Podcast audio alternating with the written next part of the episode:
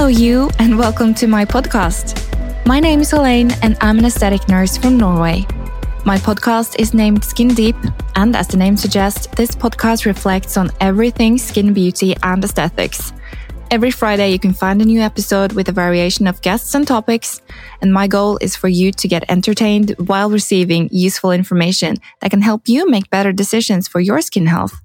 So if this is right up your alley, stay tuned.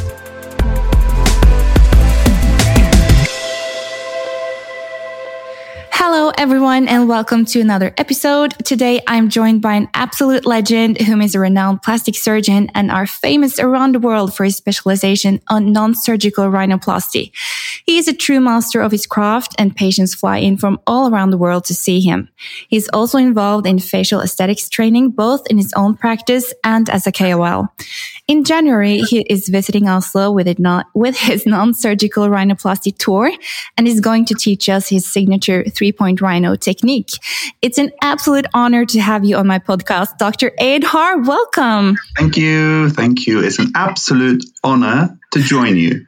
Well, uh, thank, thank, you so you. much for inviting me. Uh, I'm sure, I think we met uh, previously in Oslo, and we've been planning this for a while, actually. Yes.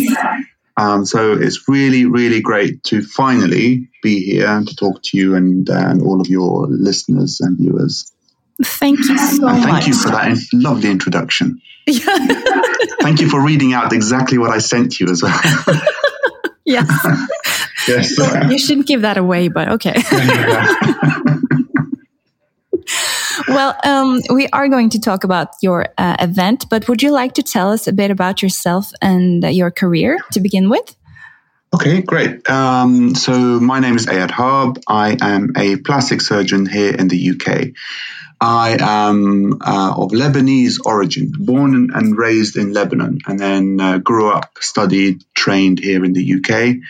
Um, I trained as a plastic surgeon, and ha- I have a I suppose, a, a, dual personality in surgical and non surgical practices. Mm-hmm. Um, I started my non surgical practice uh, back in 2012 uh, with uh, a small clinic that has gradually, gra- gradually grown with time. And um, and now I have uh, practices between London and Oxford and small clinics uh, here and there. And I have a, a, wonderful, wonderful team around me now who do um, a lot of the hard work with me and uh, uh, maintain those standards as well. Um, obviously, my my passion and my uh, area of special interest is uh, noses. I love noses and I love non-surgical uh, nose corrections specifically. Um, and that's, I, I, guess, what people mostly know me by uh, the non-surgical nose correction. Yeah, absolutely.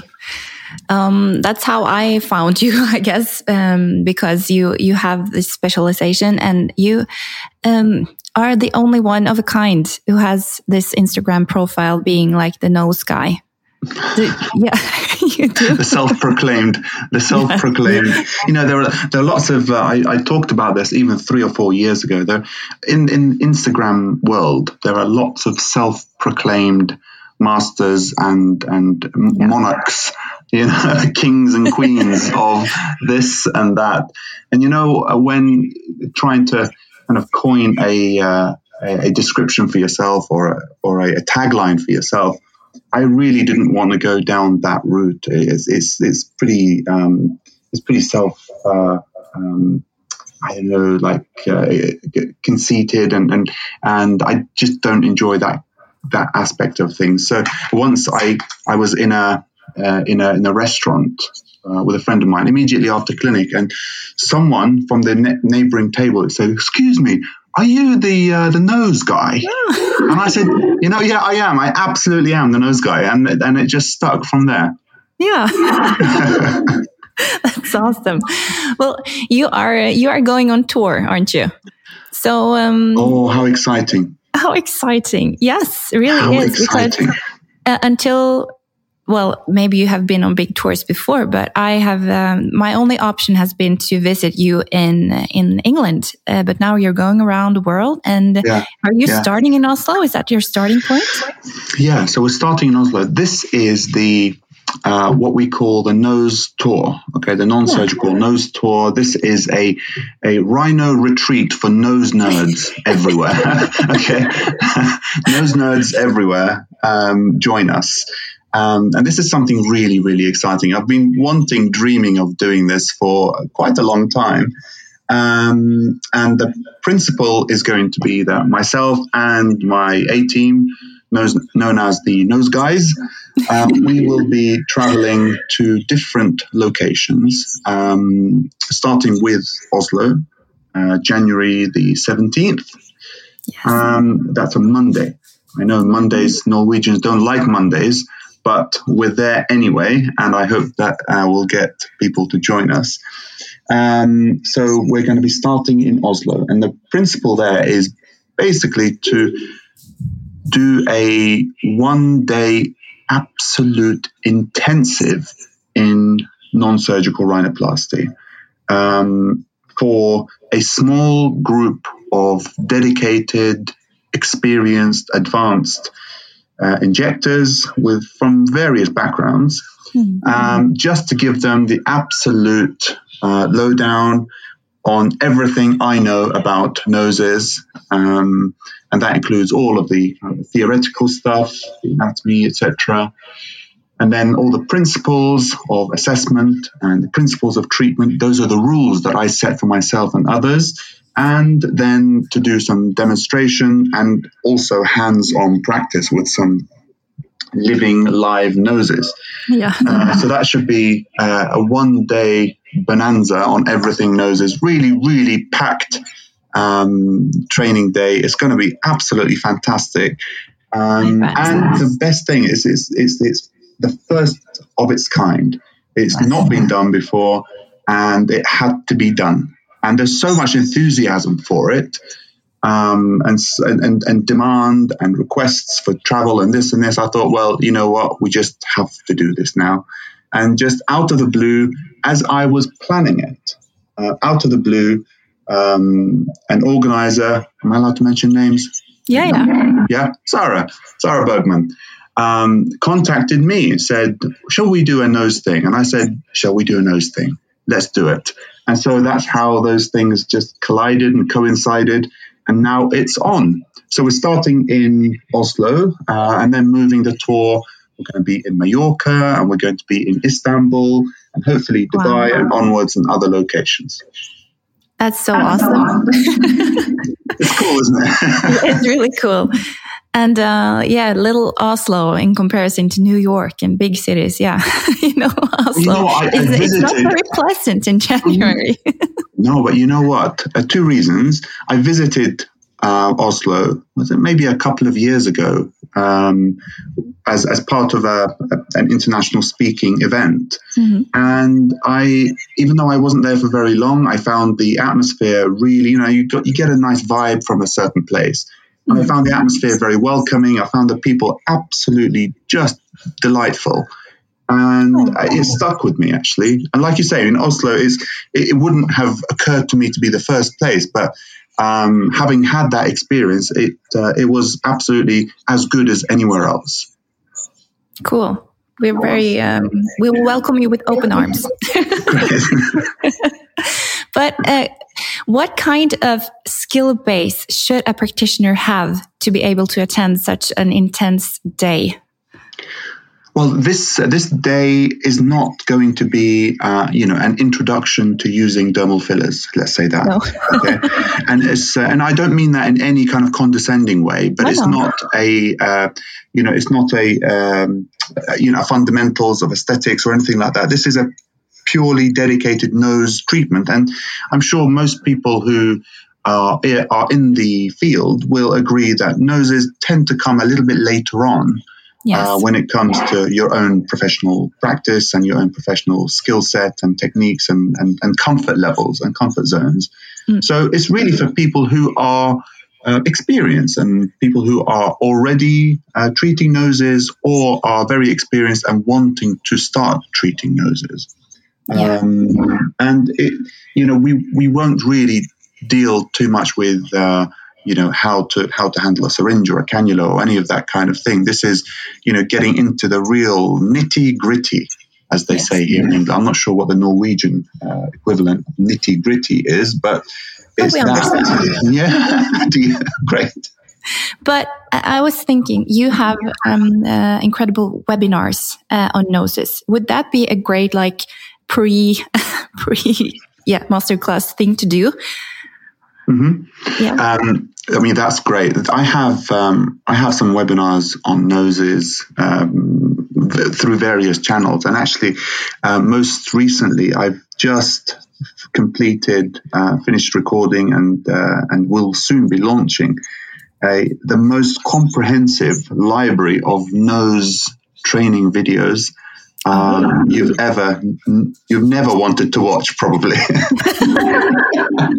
and that will include that includes and there's about 20 videos uh, all in hd up close and personal talking through every detail and every um, uh, tweak and nuance of non-surgical rhinoplasty for regular noses, for Asian noses, for ethnic noses, for post-surgical complications, deviations, all of these things.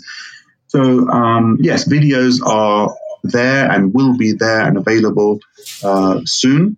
Yeah. Um, I think the unique thing about that course is that it's going to be um, live. You know, it's going to be live, and you're going to have the opportunity to um, assess and plan and treat your patient um, under the watchful eye of uh, the nose guys and the team.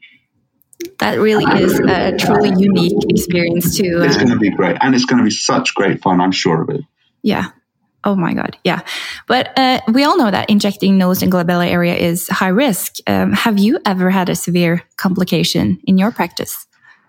I've had complications, absolutely, yes, uh, and I'll say that without shame. Yeah, Yeah. Um, no, nobody doesn't have uh, complications. If you do enough, you'll see complications, and especially with the nose.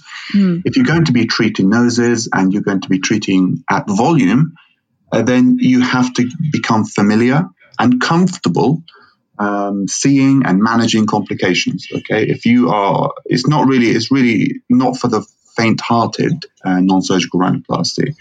Uh, you know, if you're doing one a week, the likelihood is you're not going to see many complications. But if you're doing, let's say, 20 a week, then yes, you're going to start to see things that you um, may have only read about before in, in textbooks. Um, yes, of course, I've had complications. Um, I, I I, I count complications everything from a little bit of bleeding and swelling and bruising all the way up to skin necrosis and you know the worst case scenario. Yeah. Um, so overall, I always quote this number to my um, anyone who's asking me or anyone who's training with me is that I quote a 20% risk across the board, okay, for all complications, 20% risk, okay? That includes everything. Now, the the vast majority of those risks are those small, minor, almost um, I, I won't say unimportant, but you know nothing to be too anxious about, like a bit of a bruise or swelling, under correction, over correction, pain. These things are temporary and easily corrected. And then you have the severe risks and uh, and the disasters. Yeah. Okay, the severe risks are things like skin necrosis, um, even infection, um, and obviously the disasters are you know, the blindness and that you know the the widespread necrosis, skin trashing, scarring, that kind of thing. Mm. Now, as far as I'm concerned, and I will, I keep repeating this to people that we can never eliminate risk from our procedures. We can't make it a zero risk procedure. Both the practitioner and the patient go into these procedures with eyes wide open about the possibility of things going wrong. The Yeah. uh, risks of uh, vascular occlusion and uh, that kind of injury are all too real. But we can, I think, we can eliminate the risk of disaster. So, as far as I'm concerned, as far as I'm concerned, we should not see necrosis and we should not see blindness cases in our practices at all. We should have a set of rules, principles, techniques that will reduce those risks down, down, down until they are as close to zero as possible. Okay, yeah. so those risks of disasters should not should not happen. Okay, and thankfully, you know, in my practice, I've obviously never had a blindness. God forbid. Wow. I think that for me would be a, a career-ending um, mistake. Mm. Uh, I would never want that to happen. And I remain very, very afraid and nervous of those uh, complications. Really, I do. And that's what keeps me very conscious and never overconfident um, and never complacent about uh, any of these uh, any of these procedures. Yeah, yeah, those are the worst things. Yeah, but oof, yeah. but uh, luckily, we will uh, learn all about your um, rules that will help us be better at uh, practice uh, these things. But um, I have been wondering, um, in your opinion, yes. when you look through Instagram and see other liquid nose jobs, like how many percentages of those procedures do you think has had the best possible outcome when you see the before and after? yeah, you're leading me on here, Helen. no. you know, um, of course, Instagram, social media is absolutely filled uh, with noses, befores and afters, not just noses, but all kinds of uh, befores and afters and, and, results from people. And some are good and some are not so good. I would say that the vast majority of results are good, actually. They're good. Um, good. There is a small. There is a small uh, percentage that you could say, oh, actually, you know what? uh, that could be a little bit better, or that could be you know injected in a slightly different way to give it different feature or more projection, or make it a bit straighter or whatever. But those are criticisms that I would have even over my own results. You know, yeah. uh, nobody is perfect, and, and very often I will scroll through, review my own results for that week or that month or whatever, and I'll say, you know, actually, you know, she was happy and I was happy at the time, but looking back on it, um, I could have done this better. And you know, I just these are this is the part of the continuous learning um, cycle that we all go through, and and that's how we get better with there with things. There are still scenarios and and uh, times where I look through Instagram, like you say, and you see things and you think, what the hell?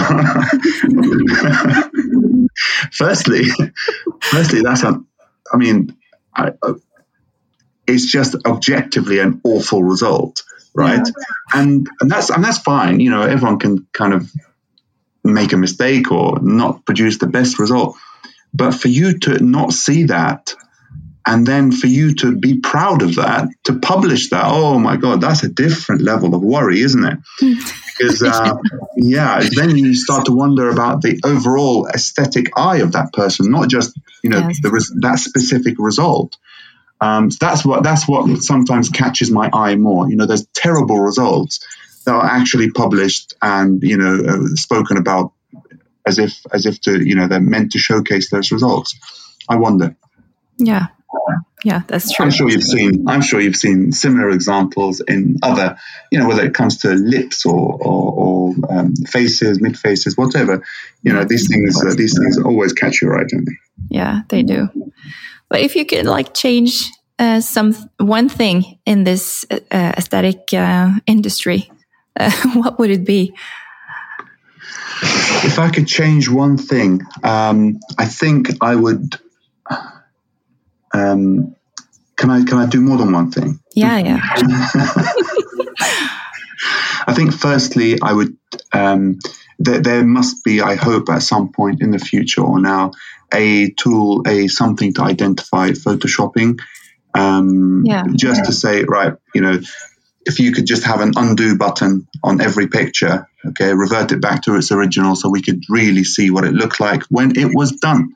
mm. um, rather than what can be done with certain filters and this and tweak this and take out this and you know and then you're really presenting an unrealistic um, image to the patient or potential patients in the future that i would um, that i would definitely uh, change if i could the other thing i would love to change is the just reduce the amount of bullshit that's spouted on on social media um, the amount of kind of pseudoscience and quackery and nonsense that is uh, spoken about um, by people who should know better and sometimes people who shouldn't be speaking at all. You know, so at all levels of expertise, um, there is nonsense spoken, and there's almost almost no accountability or um, uh, uh, yeah, I, I, think there's yeah, there's no oversight, there's no kind of regulation, there's no accountability. So people are just free to say and do as they wish, yeah. and sometimes that that really can muddy the water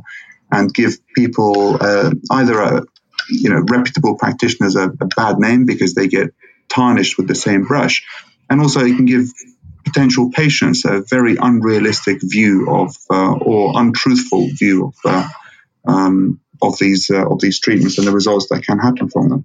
Yeah, that's true. And I always like that you are being so bluntly honest about everything, uh, yeah. especially in your social media.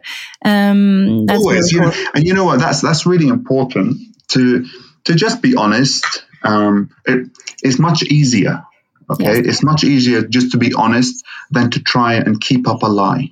Okay. Yeah. Because you lie once, you're going to have to lie again, and you're going to have to lie again for the rest of your uh, for the rest of your existence on social media because you know otherwise you're going backwards. If you just tell the truth from the start and say, "Listen, this is what's possible and this is what I can do," then it's very easy, and then at least your message is consistent. And you know what? People generally people are intelligent enough to read through um, the lies and uh, they really appreciate that kind of honesty and openness and just the kind of normal being normal rather than presenting yourself as something that's uh, you know landed landed uh, from the sky you know? Yeah, you're normal and you know you do normal things and you you make mistakes and you get good results and not and you're upfront with people. I think people appreciate that. Yes. Yeah.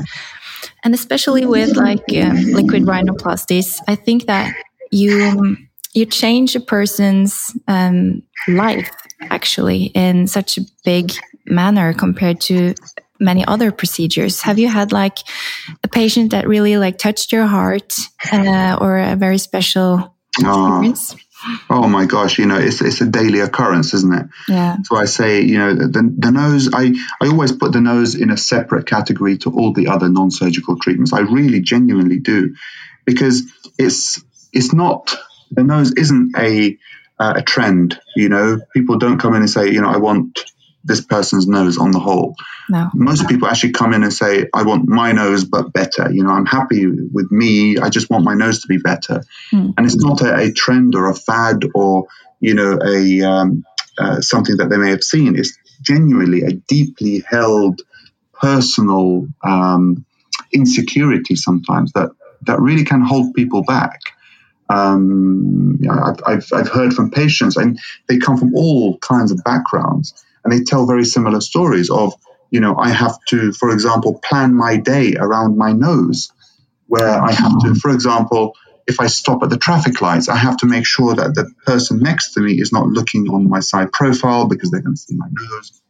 And they can, as soon as they say that, they know how ludicrous it sounds. But that's, I suppose, that's the whole that's the whole um, principle of this kind of irrational worry about your nose, right? When you just you know it's ridiculous, but you can't help it. You know, it's irrational. That's the whole point.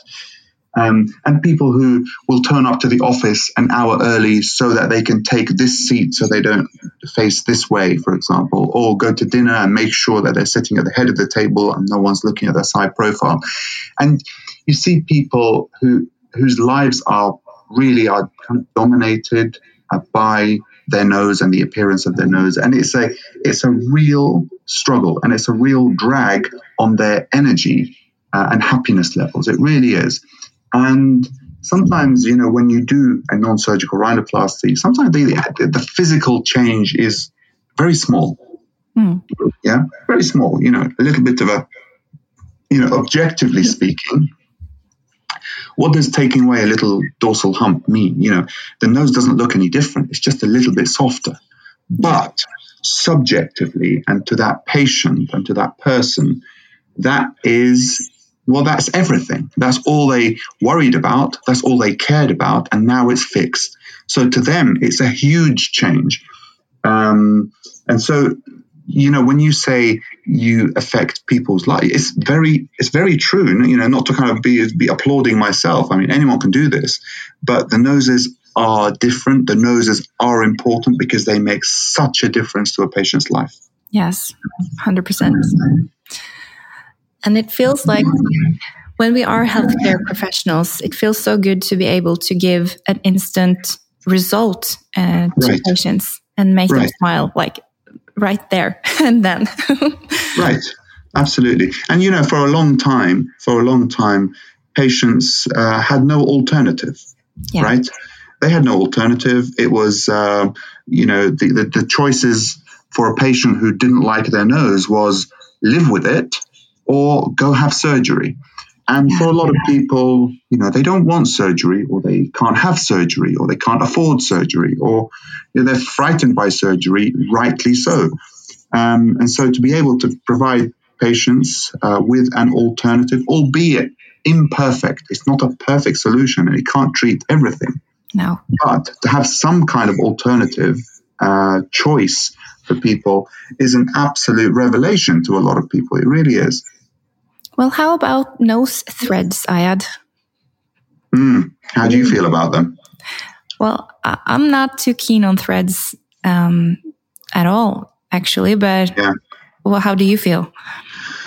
Yeah, so you know, I've uh, in the past I've uh, I used to do facial threads and and uh, of various types, PDO and coned and biconed and all this kind of thing, and um, I stopped. I stopped doing threads altogether, maybe three three or so years ago, because I just found that in the face they just don't work. They just don't work. They don't stay. They don't give consistent results. They don't give results that last. Um, they are very expensive, and you know, they, on the whole, they produce a lot of very unhappy patients. Um, so I stopped that treatment altogether, and then you know, the, the concept of putting them in noses started to gain more momentum. Mm-hmm. Um, and you see, and I, I, see just like everyone else, you know, see these wonderful, amazing results coming out of Russia and Brazil and whatever. Um, but I'm, I'm, I'm yet to be convinced. I really am yet to be convinced.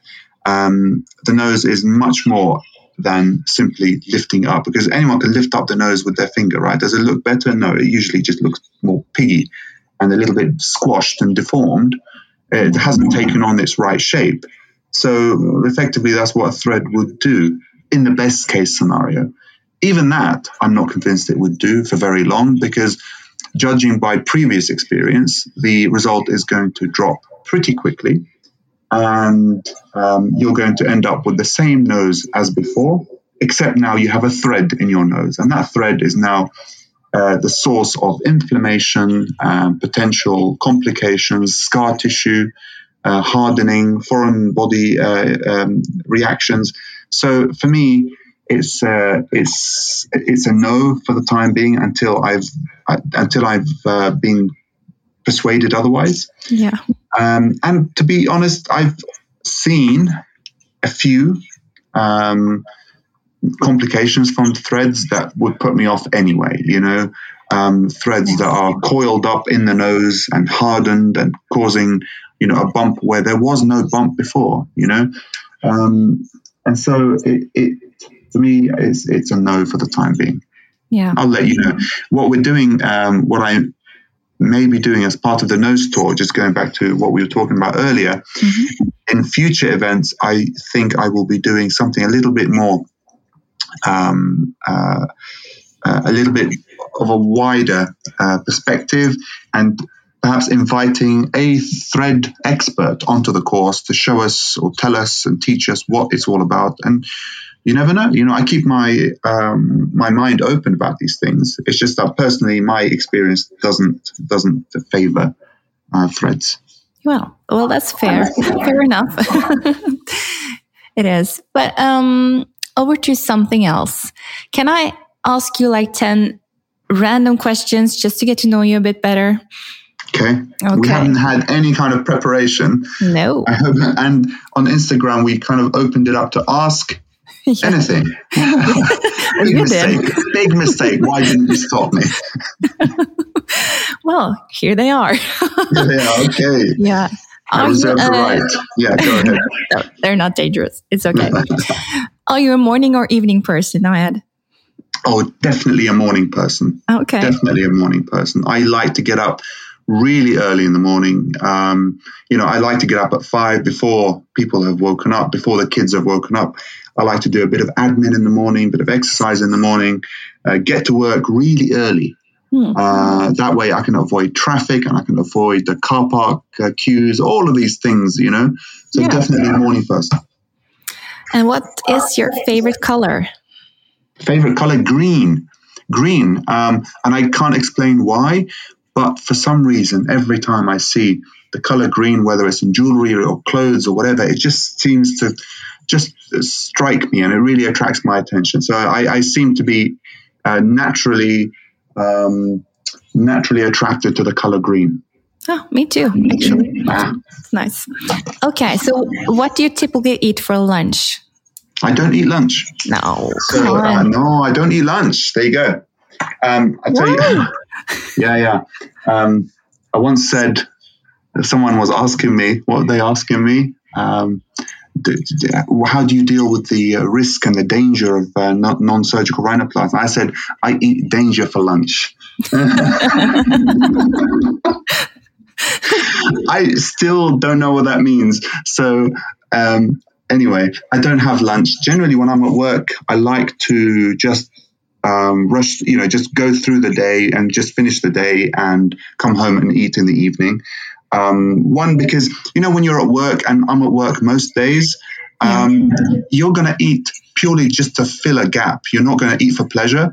And uh, to be perfectly honest, I can do without that. And at the same time, I'm just saving myself a few calories that I can then compensate for right. during the evening. Fair enough. Sorry, I know you said quick fire, and I'm waffling. Please don't don't, okay.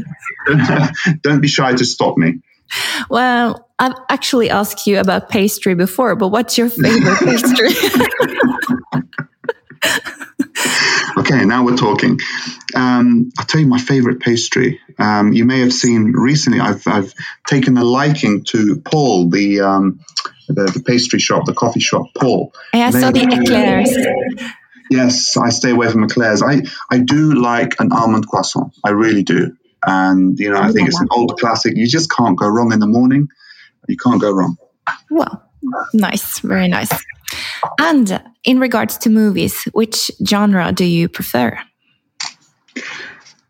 Movies, um, I, I, would say that I like the uh, you know, I'm not a, a, big movie buff at all. I, if, if you're going to press me, I would probably say like silly comedies. Yeah. yeah. silly comedies. You know, Ace Ventura or Dumb and Dumber. That kind of that kind of film where you can just kick back, watch, empty-headed. You don't have to think too much. You know, there's not much analysis going on. Yes. Um, so yeah, that probably that. That that's a vacation for the head. But what's your yeah. favorite vacation destination? Ah, okay. So, um, as I said when I first started, I'm Lebanese and I love to go back to Lebanon to yeah. Visit the family and see the country. It's a beautiful, beautiful country, um, naturally, and such wonderful people and lovely food. So, I like to go back. But I recently went to Iceland and fell in love. Um, and so I was planning, you know, I was planning a winter trip to the Nordics, uh, maybe Norway, maybe Finland, somewhere proper winter. Um, and so it's happening. It's happening in January. That's cool. I hope we get some um, aurora uh, down in Oslo by then. But um, that's oh, not, yes, not yes, really yes. likely. But now you sometimes, now. It's sometimes. fine. I'm going to hold you to that. Well, I can't produce that, so just shine a light or something. You fool me. That'd be hard. Okay, uh, coffee or tea? Coffee, coffee. Coffee, coffee. coffee okay. One coffee in the morning. That's all I drink. One, one coffee in the morning. Uh, and then everything of, for the rest of the day is tea, but the day must start with a coffee, black coffee. All right. Uh, dogs or cats? Dogs. All right. That's the easy one. The cats, I find, I mean, I'm going to offend a lot of people, Yeah. absolutely pointless, are just pointless animals that do, not, do nothing. Okay. Whereas dogs, um, are, I, I find them absolutely hilarious. I really like dogs. Yeah. How, uh, what kind of car do you drive? I drive a, a, a pretty boring uh, Mercedes. Okay. But watch this space, Helen. watch, the, watch this space. Um, keep an eye out on Instagram because I will. I've just I've ordered a new car, Mhm. um, which is something so ridiculous, um, and it's going to be it's being custom built oh okay. my god! Please For my- spoil it. What for my it? height. really? Um, Oh, it's an and it- Arctic truck. I know. yeah. It's being custom built. It's absolutely ridiculous, but it's going to be, yes, the Rhino Mobile. Um, Okay. And that will be in six months' time. So watch this space. Are you foiling it with like nose guy? Yes, Core? I am. I am. Yeah, well, There is there is going to be a nose Yeah, a nose emblem um, in gold on it, Yeah. of course, of course. and it will carry the number plate Rhino. Yes. There you go. I'm not I'm not saying any more than that. okay. okay. Uh, so, um, last question uh, from this. Uh, what do you want for Christmas? What do I want for Christmas? Um, so you know what? That's a really good question. I, I don't remember know. you told Cam that you didn't like like perfumes and scents was the worst gifts. So I bet you don't want any. Did I say that? Yeah, I, no one buys me that anymore. They kind of they know they know how my my true feeling. I find that it is. It, I don't know. I have I have uh, yeah enough, and I suppose yeah. Um, what I would what I think I would um, would love. Recently, I got some um, flowers. Did you see that story recently? I got flowers Yes. um, as a gift for the first time in 40 years, Helen. Imagine. Wow. I've never received flowers before. You know, it was lovely, just so lovely because you kind of get the the the idea exactly what it meant. It's much more a sentimental gift than a, any perfume could ever be. Yeah. So, um, yeah, maybe maybe something for the garden on that matter. Yeah. You you're into gardening. Oh, I- I, am. Oh, I am. You know I, me. I saw those tomatoes. did you? I did. Uh, where are they? that one that went well. One tomato, two cucumbers. Yes. Many I'm in this industry are into like some kind of creative craft or something. Is gardening your uh, creative outcome? I guess. I, I, I think it's uh, it's not so much creative. I mean, I'm, I'm not very creative in the garden. Frankly, I don't know what I'm doing at all. at all. I don't know what I'm doing. I'm the first to admit that. But you know what? It's it's not so much my creative um, outflow. It's much more just a very calming, very peaceful um, uh, activity that you can do at the end of the day yeah. uh, to go out in the garden in just in in silence, in in the sound of nature, and to do a few things, water a few dead plants. It's fine. It doesn't matter, right? it doesn't matter because and you're doing something so totally removed from your day to day Yeah. that it just feels like a real reset. You know, like a real just new chapter, and you can just empty your mind and, and have some time to think and and uh, uh, and do something non-clinical. Yeah, I can see that. I can. But um, I have some questions from the listeners that probably also are clinicians. And so just a, a quick uh, answering on those. Okay, so can one correct a crooked nose by just filler? Yes, of course. Yeah. It depends. I mean, it depends what we mean by crooked, doesn't it? Um, Yeah. Everything has a limit. Uh, fillers have have uh, limits as to what they can correct or what you should be attempting to correct with fillers. Um, and it's really important to know those limits, yeah, to know the limits of the treatment itself so that you're able to advise your patient appropriately rather than doing a treatment for the sake of doing it. And also, it's really important to know your own limitations. You know what one person can do, another person may not have the experience to do just yet. So um, it's really important to know limits for yourself and for the treatment that you're providing. Yes. Um, can you inject a nose that has been operated on previously yes. due to injury? Yes, absolutely, you can. Yes, yeah. absolutely, you can. That's a, you know, it's it's an it's an important subject. I always classify those noses that have been operated on uh, for medical or cosmetic or trauma reason, whatever. I always classify them as complex noses, and um, they they really I don't think they should be done by people who are just getting started in noses. Okay, they should be reserved for people who are doing lots and lots of them, and they have really got a feel for the tissues and the and the and the filler and how one responds to the other and all these things, and also being able to identify risks uh, or, or complications very early. The the problem with post surgical noses is that all of those rules that we have, those anatomical principles of mm. layers and uh, vessels and uh, certain locations and that kind of thing, all of those rules go out of the window yeah. uh, when it comes to post surgical noses. You know, it is absolutely everything is up for grabs. Uh, the anatomy could be in any kind of arrangement or none. Um, and so the risks are multiplied. They really are. So you need to be extra, extra careful with those noses. But for me, I do correct a lot of noses that have been operated on. They probably still form, I don't know, 25% um, of any clinic that I will do in a day. I will have uh, a good few post surgical patients to correct. All right, nice. But uh, when should a clinician refer a nose to a surgeon in regards to when it cannot be corrected with filler anymore? Mm -hmm. So those patients, um, there are there are different categories for patients that I would not treat with yeah. filler. Okay, patients who have had um, a lot of surgery mm. and their nose has become almost solid with scar tissue yeah? yeah yeah. Where you're really you're taking a big risk and the chances are you're going to make a very very minor change. Yeah. Those patients i would not treat okay? I'd refer them on to a surgeon or or a, a psychologist or someone else who can help them with their issue mm. but don't treat them.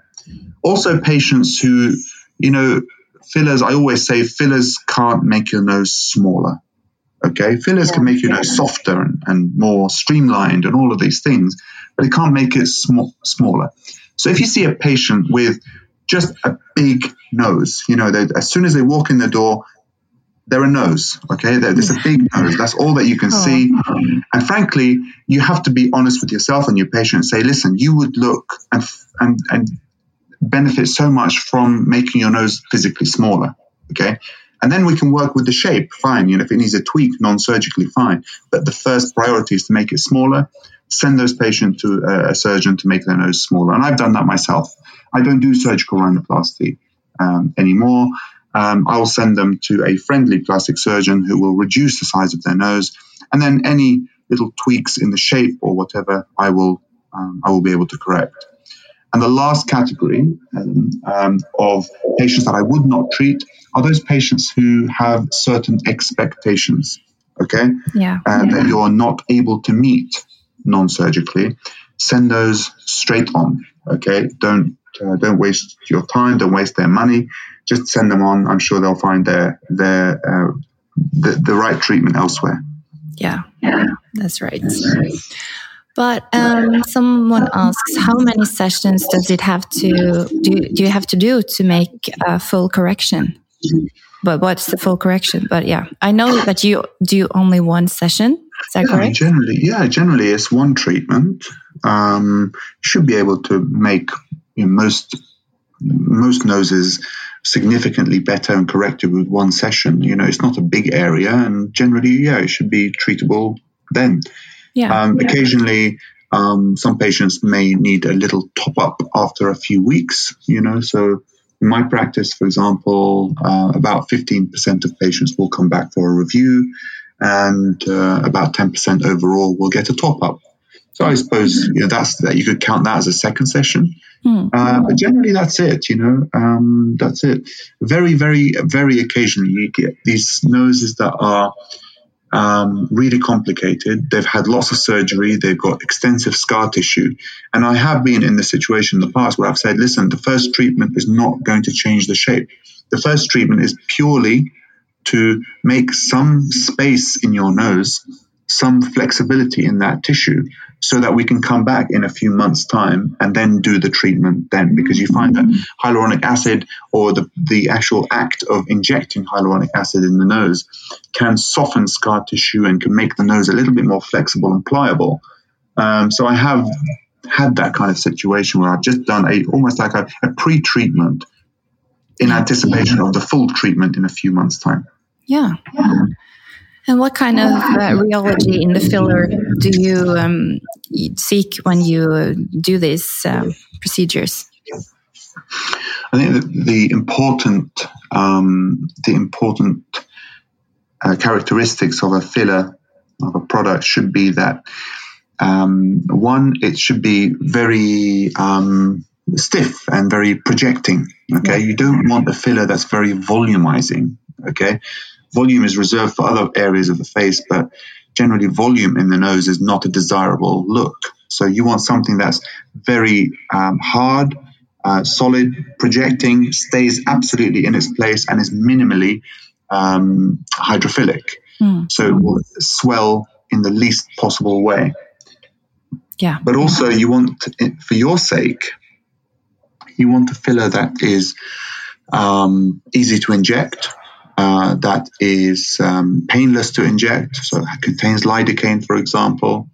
Uh, you want a filler that's reliable. So, from your experience, you know you will know the fillers that you've used in your hand, and you'll know this filler I know how it's going to behave. I know what it's going to be like in six months, in 12 months, so that you're able to counsel your patients accordingly.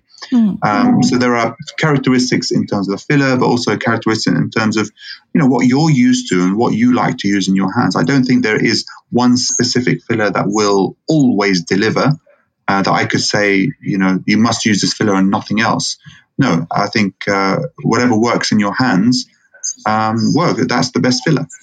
Yeah. Absolutely. I have my favorites, of course. We can talk about that later. Yes. and um, a last question here is uh, your favorite places to teach around the world. You you travel a lot, so you must have some favorites. Definitely Oslo. Definitely Oslo. Yeah. Um, yeah. yeah. you know, I, have I've traveled a little bit. I haven't traveled massively, and I'm hoping that 22 will be a year filled with more destinations. You know, slightly more exotic or slightly more um, unusual destinations. Let's say. Um, I've really enjoyed teaching in the past in Dubai and in uh, in Ireland, for example. I've taught in Norway, Geneva. Um, I've done a tour in the Middle East where I went from country to country including Qatar and, and uh, Bahrain and Oman.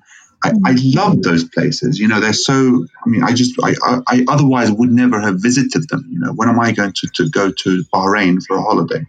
Uh, it was great, and it was nice to see those, uh, those people and, and just get a, a, small glimpse of that country. Um, I think, so, yeah, so far my favorite place, honestly, I, I mean this, has been Oslo. We'll see if in January that remains number one. Oh my God! What? what yeah, pressure. pressure's on. People, pressure's on. oh, I'm hoping the Northern Lights will make it happen. Yeah. Okay, but this was uh, amazing. Thank you so much for your time, Ayad. It was really nice talking to you. It's such a pleasure. Is that my time? Are we finished? Yeah. I feel like we could go on talking. no, thank you so, so much. Uh, I really appreciate uh, this, the invitation. So lovely to talk to you. I hope to see you and I hope to see many of your listeners and followers um, in Norway and in other locations on the tour uh, next year.